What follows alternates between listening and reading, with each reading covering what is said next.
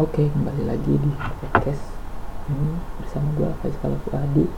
Kali ini gue nggak sendiri lagi, gue bakal ditemenin sama adik tingkat gue, satu adik tingkat gue. Nah, mungkin sekarang gue telepon dulu. Halo, se- buset, masih nguap dong. Jang, Ah, buset galak banget. Jutek banget dah. Jang, hari ini gue pengen bahas tentang organisasi nih Jang. Menurut lu gimana Jang? Selama jadi berat lah. apa-apanya Berat berat? bener. Berat bener. Ih serius, cuma ini doang kok kayak lu kan mahasiswa nih. Lu juga pernah jadi ah, pernah kerja sama sama gue di KPO periode kemarin. Bahasannya sebagai organisasi kenapa enggak? Yang pengen gue bawa itu. Sebagai organisator kali. Iya, iya jadi kenapa kita tuh mungkin dari gua ya, gua dan ngebawa lu, kenapa kita harus ikut organisasi atau mungkin lebih baik ikut organisasi kayak gitu. Hmm, boleh, boleh, boleh, boleh, boleh. Ini udah gua rekam sebenarnya, Jang. Iya, serius. Ah, lu mah. Kok gua lagi disalahin? Ya udah. Langsung aja mungkin langsung gue sebutin pengalaman organisasi gue nanti Ajeng juga bakal nyebutin. Kalau organisasi gue itu SMP pernah ikut OSIS pas kelas 7 tapi di situ gue nggak begitu aktif. Habis itu lanjut ke akhir kelas 9 gue pas kelas 8 tuh gue pindah sekolah. Akhir kelas 9 gue ikut remaja masjid sampai selama SMA gue ikut remaja masjid sampai sekarang kalau misalkan gue balik gue aktif lagi. Kalau lagi ngampus gue rehat dulu mungkin ikut kegiatan di kampus kayak kemarin pas ngejabat dua periode di himpunan ya Jeng ya Hmm. kalau lu gimana nih Jeng? Iya, itu waktu SMP. Ini gimana dari SMP ya? SMP pernah ikut Iya. organisasi pramuka, Uh-uh. terus MPK. MPK tuh Majelis Perwakilan Kelas, kalau nggak salah. Iya Terus kalau misalnya padus, itu organisasi bukan sih? nggak tahu kalau gue ekskul gitu nggak gue anggap bahkan pramuka Oh, ya gue juga iya. sempat ikut tapi nggak gue sebut sih Lu jadi pengurus nggak di pramukanya kalau gue oh iya enggak berarti gue emang enggak Terus SMA, SMA taruh nggak inget-inget. Soalnya gue kupu-kupu. SMA kupu-kupu kuliah SMA tuh gue pulang ikut ini organisasi sebenarnya padus, cuma kalau padus ini ada apa ya namanya kalau ada badan pengurus hariannya gitu loh. hmm iya Ya, gue anggap organisasi lah ya. Terus apa lagi ya? Oh, selama SMP sampai SMA gue juga ikut remaja masjid tapi yang di rumah. alhamdulillah Tahu kenapa? nggak apa-apa gue seneng aja ternyata banyak teman-teman gue yang yang ikut remaja masjid juga yang Terus kuliah deh. yang maksud gue apa ya kelakuannya di kuliah tuh gue nggak tahu nggak begi nggak sepenuhnya mencerminkan anak-anak masjid gitu loh tapi eh, ternyata ikut juga gue kira gue doang gitu ada bagian gak enak juga kalau nggak ikut Maksud- maksudnya kan kayak kita kan anak-anak muda yang ada di dekat kalau gue musola ya bukan masih di dekat musola Hmm. itu masa yang nggak ikut berkontribusi kayak orang apatis banget Buset, Karang Taruna gitu nggak ikut ya? apa Karang Taruna gitu nggak ikut? enggak. Karang Taruna gue sebenarnya sempat ikut sih di eh, di RT sempat itu dibilang aktif sih ya paling enggak juga sih palingnya kayak ngurusin 17-an di lingkungan RT kayak gitu. Karang Taruna ya gue kayaknya nggak ada sih mas Hmm, oke oke oke. Nih, jangan lu tahu nggak kenapa gue bahas ini? Sebenarnya karena gue tuh makin lihat makin ke sini ya. Entah ini pandangan gue doang. Kayak ketertarikan anak-anak muda tuh buat berorganisasi tuh kayaknya mak- kayak makin kurang gitu. Jadi mungkin kalau misalkan ini ada, wahai kalian anak muda di luar sana yang mendengarkan ini, cobalah berorganisasi. Gimana aja kata lu? Menur- Bentar, menurut lu apa? gue mau tanya dulu atas dasar apa lu bilang anak muda zaman sekarang minat organisasinya kurang Kalau yang gue lihat di jurusan kita kayak kemarin sebenarnya bukan organisasi sih kayak mungkin mau organisasi cuma nggak mau pas sudah masuknya tuh malah mereka tuh susah apa ya kayak nggak memanfaatkan peluang itu gitu loh buat mengembangkan diri mereka. Yang gue lihat beberapa kayak gitu ada juga yang ya masih masih bener-bener nggak minat kayak gitu. Kalau menurut pandangan gue sih gitu. Terus? Eh paling itu sih gue sama oh sama yang di lingkungan rumah gue aja. Gue ini kan istilahnya gue yang lagi aktif di depo nih yang buat menerima donasi sembako dan lain-lain buat disalurin lagi. Nah itu tuh di lokasi depo di tempat ramai banget strategis banget menurut gue ya rumahan gue tapi yang ngurus udah kelihatan anak-anak muda tapi banyak anak muda yang lain tapi nggak pada mau minat ikut udah diajak pun kayak gitu. Ya mungkin secara luar doang ya gue nilainya ya. Cuma ya kalau misalkan gue salah sih nggak apa-apa aja. Kalau menurut lu gimana emang? Mungkin uh, itu yang tadi lu yang lu bilang itu punya punya kesibukan yang lain kali. Jadinya di samping mungkin mereka nggak mau ya mm-hmm. mungkin mereka juga punya kesibukan lain makanya nggak ikut. Bisa jadi bisa jadi. Buat narik lagi nih siapa tahu yang dengerin ini jadi tadinya belum ikut organisasi jadi minat organisasi. Menurut lu ada nggak sih jam yang bisa diambil dari berorganisasi itu? Yang bisa didapetin banyak gitu? banget. Banyak banget sih kalau gue pribadi. Apa tuh kalau dari lo? Uh, dari apalagi kalau pengalaman pribadi gue organisasi waktu di kuliah. Karena kan kuliah sama SD SMP kan eh SD SMP SMA kan beda ya. Nggak sekalian bawa-bawa TK neng. Ya gimana gimana? Soalnya gue tuh aslinya ya orangnya tuh gimana ya overthinking, insecure. Kita kan satu divisi lo tau banget lah gue overthinker lah ya. yeah. Tapi di samping itu juga kadang gue, jadi kadang terlalu overthinking, kadang terlalu bodoh amat gitu. Kadang hmm. tuh suka gak balance lah. Nah iya dari organisasi itu tuh gue belajar kalau sebenarnya nggak semua orang itu pendapatnya bisa kita paksain, nggak semua orang punya pemikiran yang sama. Setiap orang tuh punya pemikiran berbeda-beda uh, didasari oleh latar belakang pengalaman yang berbeda hmm. dan dari situ gue belajar kalau ya manusia tuh ya itu kenapa sih ada organisasi ya untuk menyatukan pemikiran yang beda-beda terus cari tujuan yang paling yang paling baik yang paling efektif efisien gitu hmm. pendewasaannya banyak banget sih kalau kita berorganisasi menurut gue gitu itu kan secara luas nih ya secara berkelompok nih. Kalau misalkan untuk lo pribadi lu dapat apa aja sih selama berorganisasi gitu iya jadi apa, apa? Nih yang yang mungkin bisa dibilang bertambah pada diri lu? Mungkin kemampuan lu atau uh, apa gitu? Atau kalau nambah duit mungkin? Oh, kalau duit sih kayak berkurang iya iya ya tahu banget gua gimana yang bertambah kayak pengalaman jelas okay. kesabaran jelas terlatih banget ya Oh, udah sabar banget sabar. Uh -huh. Sambat bertambah juga itu sambat.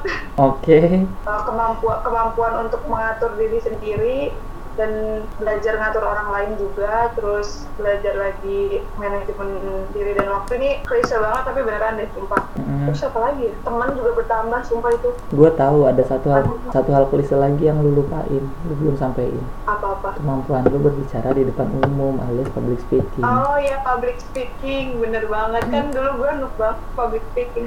Noob gak tuh? Walaupun sampai sekarang juga enggak jago sih tapi seenggaknya ada peningkatan lah ya. Ada peningkatan nanti juga di beberapa tahun ke depan kalau misalkan himpunan kita ada acara kayaknya yang dipanggil oleh Jang Amin. Bisa. Padahal sih gue gak bisa apa-apa ya mas. Ya gimana gue? Ya gimana gue? Gua. Kalau lu apa nih mas? Kalau lu pribadi nih mas? Kalau gue sebenarnya nggak beda jauh dari lo kayak tadi public speaking jelas gue makin terlatih relasi ya biarpun gak begitu luas cuma di lingkup jurusan kakak tingkat atau alumni nambah lah habis itu kemampuan ngatur diri ada sih meningkat sedikit kayak gitu. Gue rasa oh ngatur emosi sih gue kalau ngatur dirinya. Ikut himpunan gue terutama pas udah jadi ke divisi gue lebih bisa kontrol emosi sih gitu sedikit. Terus kemampuan buat ini ningkatin empati sih kalau gua. Jadi ini jangan karena kita pas di periode kedua nih pas lu udah jadi kakak di kepengurusan gue yakin empati lu mau nggak harus ditingkatin ya. Terutama kalau misalkan uh, lu karena di sini posisi bukan ini ya bukan pimpinan ya sorry ya. Tapi sebagai kakak di kepengurusan lu juga harus tetap ada empati. Karena semua hal nggak bisa diiniin sama ketua-ketua divisi dan ketua himpunan nggak bisa diketahui ditetapin sama mereka. Tapi harus dirundingin dulu sama angkatan kalian dulu yang di kepengurusan paham gak maksud gue jadi kalian tuh ngambil keputusan harus ya harus banyak sudut pandang maksudnya banyak sisi yang dilihat apalagi buat si gimana sih biar si 19 nya ini tetap nyaman nggak ter, nggak terbebani kayak gitu kayak gitu loh. Buat buat lebih peduli juga terus banyak sih sebenarnya yang gak bisa gue sebutin satu-satu mungkin ya kayak gitu.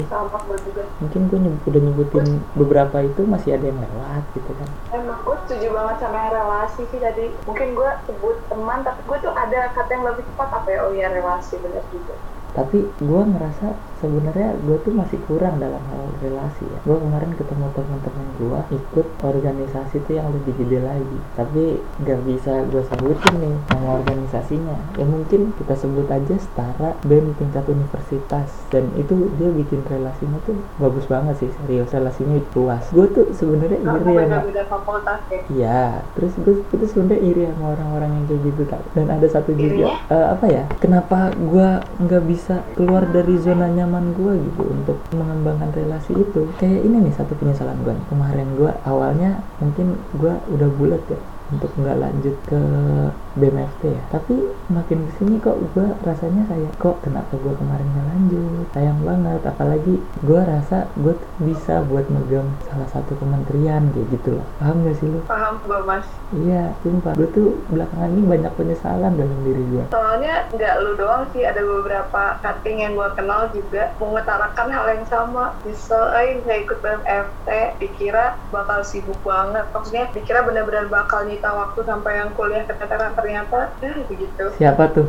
Eh, siapa ya? Kita tidak bisa sebut namanya. Oh, Oke, iya sumpah gue gue awalnya ngiranya bakal ya sama, gue ngiranya bakal kayak gitu, gue tuh harus fokus buat eh, ngejar akademik gue kalau misalkan lu tahu ya cukup ketinggalan kali ya. Tapi ternyata kok aduh kalau kayak gini ceritanya mah ada pusing malah tapi kan kalau udah terlanjur juga mungkin ini yang terbaik buat lo kali mas. Berarti lo bisa harusnya lebih bisa maksimal di bidang yang lain. Iya makanya gue maksimalin di bidang ini. Ini sekarang? Di bidang perpodcastan.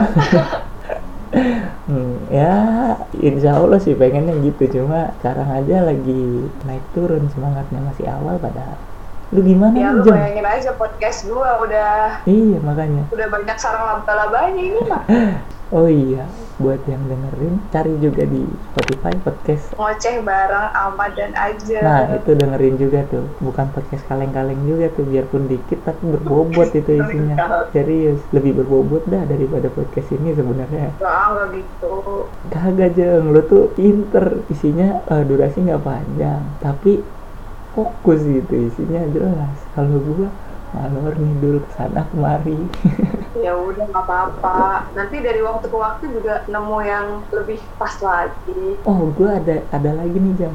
Kalau organisasi kan kayaknya udah habis ya bahasan kita ya. Apa lu ada yang masih mau lu bahas lagi tentang organisasi nih? Pokoknya walaupun capek dan sudah nangis beberapa kali karena capek dan frustasi tapi gue nggak pernah nyesel ikut organisasi yang pernah gue ikutin sih. Oh. intinya itu. Lu nggak pernah nyesel karena lu sedikit sama gua jam iya aja.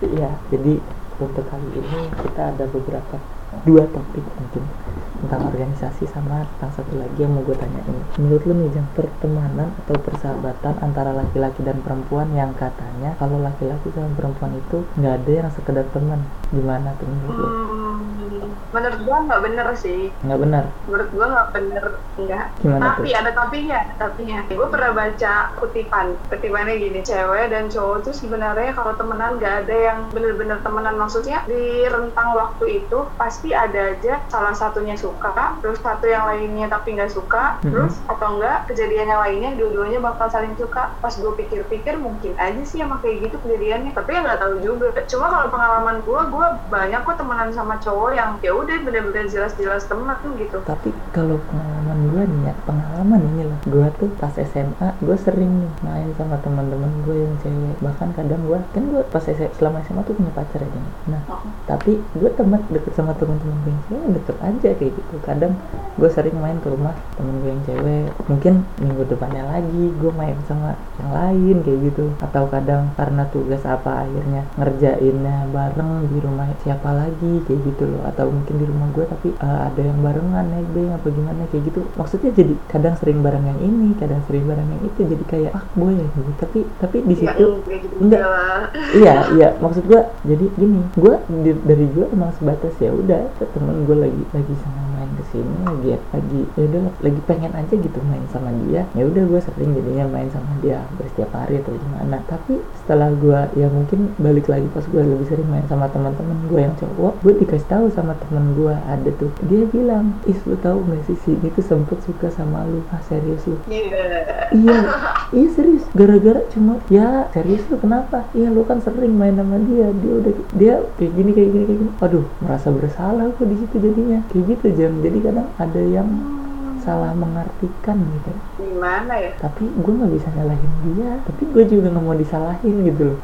Ya gue paham kok. Gue relate dan paham. Iya tapi kadang di beberapa pertemanan juga mungkin gue yang terlalu terbawa sih. Beberapa kali gue juga sempat kayak gitu hmm, gimana ya? Kalau menurut gue ya namanya perasaan orang tuh nggak bisa kita kontrol sih ya. Terus kalau gue nih gue jarang sih maksudnya temen sebenarnya eh gimana ya? Gue jarang. Kalau kasusnya temen tapi gue nya jadi demen gitu jarang. Soalnya gue tips and tricknya nih gini. Jadi gue dari awal temenan kayak di dalam hati gue tuh gue udah ngomong kayak gue nggak boleh suka sama orang ini gue nggak boleh suka sama orang ini. Nah udah lama-lama gue nggak bakal suka sampai walaupun gue udah nyaman ke dia. Dan kan biasanya kalau temenan lama dan udah banyak hal yang dibagi kan jatuhnya jadi kayak peduli dan sayang ya. Nah itu tuh beda sayang sama temen sama sayang sama doi itu beda ya, beda halnya ya. Mm berasa banget gitu bedanya ya. Kalau sama temen tuh bener-bener yang tulus banget dan pedulinya tuh walaupun dia ngeselin kita marah tuh ya udah marahnya di saat itu aja nanti balik lagi. Iya cuma perlu nenangin diri sebentar.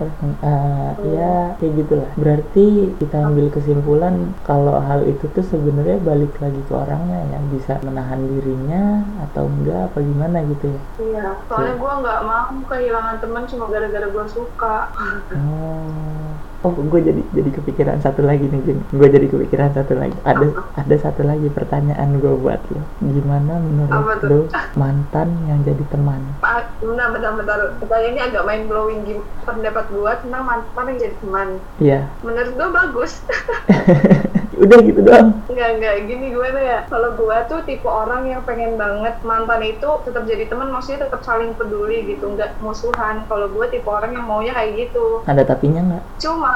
Oh cuma. Ada, ternyata cuma bukan tapi. ada satu kasus di mana gue belum berhasil sampai ke sekarang mewujudkan itu. Jadi temenan sama mantan gue ada satu kasus yang masih belum bisa sampai sekarang. Sedih juga sih sebenarnya. Kalau misalkan gue sebenarnya sama sih jam gue jumlah mantan sampai sekarang ada 6 4 SMP Mas please itu yang banget kalau bagi gua. 4 SMP gua sumpah. SMA 1 kuliah 1 tapi yang yang benar-benar jadi temen deket kayak gitu ya yang mungkin masih kabar-kabarin masih kan peduli gua tuh ya mantan yang SMA kalau misalkan mantan yang SMP yang pertama gua ah gua tau lah ada temen angkatan gua ya iya. kan iya, iya, buat dikontakin pun susah terus kalau yang kedua teman sekelas gua juga pas SMA selama tiga tahun. Yang ketiga sama keempat itu dia ini satu sekolah juga sama gua. Cuma yang ketiga ini gua saling jadi penonton SD aja kayak gitu loh. Kalau misalkan yang keempat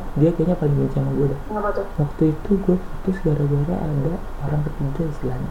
Jadi ya you know lah kalau misalkan putus karena ada orang ketiga bagaimana Terus? Tapi mas gue belum bisa relate banget sih sama pertanyaan lu karena kan ya lu tahu sendiri gue kan gak begitu sering berkecimpung dalam dunia percintaan ya. Ya elah, tapi kan lu sekarang sedang berkecimpung. Ya gimana ya, gue SMA cuma tahu kuliah les pulang, kuliah les mall pulang, kuliah les main mall pulang. Jadi gak tau dah. Mall baik kerjaan. Jangan ngomongin, jangan ngomongin kisah percintaan gue abstrak. Apalagi gue sih sebenarnya. Iya sih lu lebih abstrak sih daripada gue kayaknya. Lebih abstrak serius SMP lu bayang SMP ngapain? Aja gue sama empat kali. SMA gue udah mulai mulai mulai setia kali gitu ya. Kuliah gue sempet dikecewakan. Dikecewakan? Itu berkat dari mengecewakan loh ingat. Iya iya gue gue juga gue juga tahu diri gue juga tahu diri.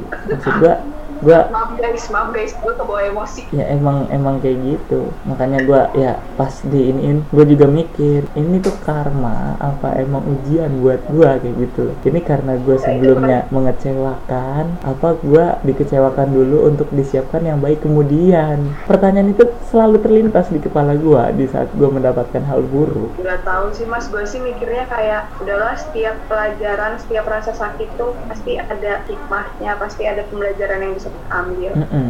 Nah kalau gue sih dari dua pertanyaan itu ya, gue selalu pilih aja. Ya anggap aja ini tuh adalah karma dari apa yang udah gue lakuin dulu. Jadi gue nggak nggak apa ya. Jadi gue mindset gue nggak kebentuk buat berharap wah ini habis kesakit-sakitan dulu bersenang-senang kemudian nih. Biar mindset gue tuh nggak kebentuk kayak gitu. Nangkep nggak lu maksud gue? hmm, Nah paham paham iya karena itu jadi ya biar gue untuk ke depannya gue tetap memperjuangkan gitu loh. jadi gue bingung ya obrolan kita arahnya ke mana sih sebenarnya Gak tahu. Ya kan tadi pertama yang organisasi tuh berbobot banget. Kedua hmm, kedua yang pertemanan ketiga mantan iya ya downgrade banget Mantan ya gitu. dari awal ya iya. Direkap dulu kali ya kesimpulan kesimpulannya ya buat buat nanti yang dengerin gitu. Iya monggo. Di situ kita closing aja capek gue ngomong juga udah ngalor ngidul. Jadi kalau buat yang pertama tadi banyak hal yang bisa kalian ambil dari organisasi. Jadi kalau misalkan belum ikut organisasi cobalah untuk memasuki dunia itu karena kali kalian masuk kalian akan sebenarnya susah buat ninggalinnya. Kalau buat gue kayak gitu buat lu juga gitu Jang? iya kurang lebih gitu. Kurang banyak lebih banget gitu ya. warna warna-warna yang bakal menghiasi hidupku setelah masuk organisasi Oke, dari senang, sedih, marah, semua kecewa ada. Di situ yang kedua tadi masalah pertemanan atau persahabatan antara laki-laki dan perempuan itu yang katanya nggak ada yang murni, pasti ada rasa entah dari salah satu ataupun keduanya ya Jen. ya. Kalau menurut kita berdua setelah hasil diskusi singkat itu tuh nggak semuanya selalu berlaku demikian ya bisa iya enggak tergantung dari masing-masing orangnya bisa menahan dirinya untuk tidak menumbuhkan rasa tersebut apa enggak kayak gitu. Atau mungkin di saat tumbuh rasa bisa nahan untuk nggak ngungkapin dan pertemanan apa gimana. Jadi Ya. nggak selamanya akan tumbuh hal seperti itu ya Jemnya iya kalau menurut gua. Sama yang terakhir apa sih kesimpulannya dari ngomongin hubungan sama mantan? Tadi tuh yang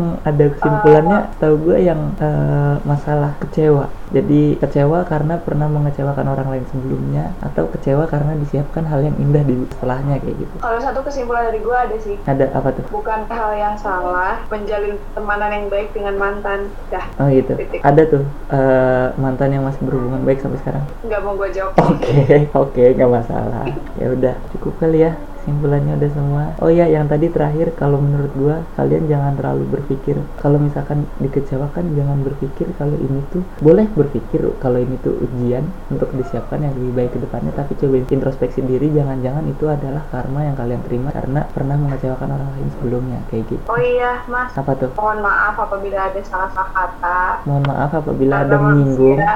Ada salah kata atau kata-kata yang kurang berkenan atau tidak pantas? Gue juga minta maaf kalau misalkan gue ada salah-salah kata ataupun ada teman-teman yang tersinggung karena omongan gue atau cerita gue tadi selama podcast ini ya buat teman-teman yang dengerin. Oke udah jeng. Ada salam-salam terakhir lagi?